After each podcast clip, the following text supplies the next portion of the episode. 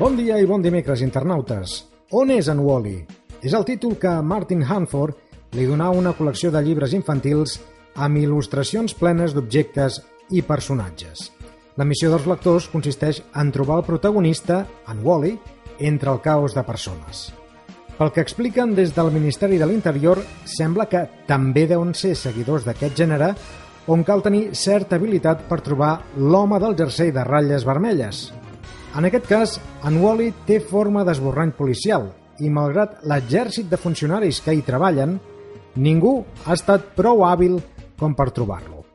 Potser algú hauria de plantejar-se si realment existeix o és fruit d'una invenció, tal com apunten algunes fonts, d'una fusió de dades a partir d'informes que corren per la xarxa, o sigui, solvència i credibilitat al 100%. La perla d'ahir ens la tornava a posar la delegada del govern Maria de los Llanos de Luna, la qual, sempre que pot, manifesta els seus tics anticatalans. L'última és la denúncia presentada contra els ajuntaments de Girona i Figueres per haver organitzat dos trens el dia de la diada.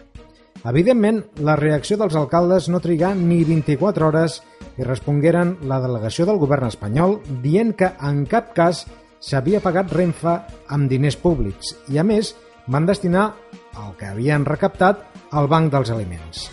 La senyora de Luna crec recordar que no ha fet cap mena d'indagació sobre d'on van sortir els diners de tots els autocars que van arribar a Barcelona per la manifestació en favor de la unitat d'Espanya. És el que s'anomena amnèsia selectiva.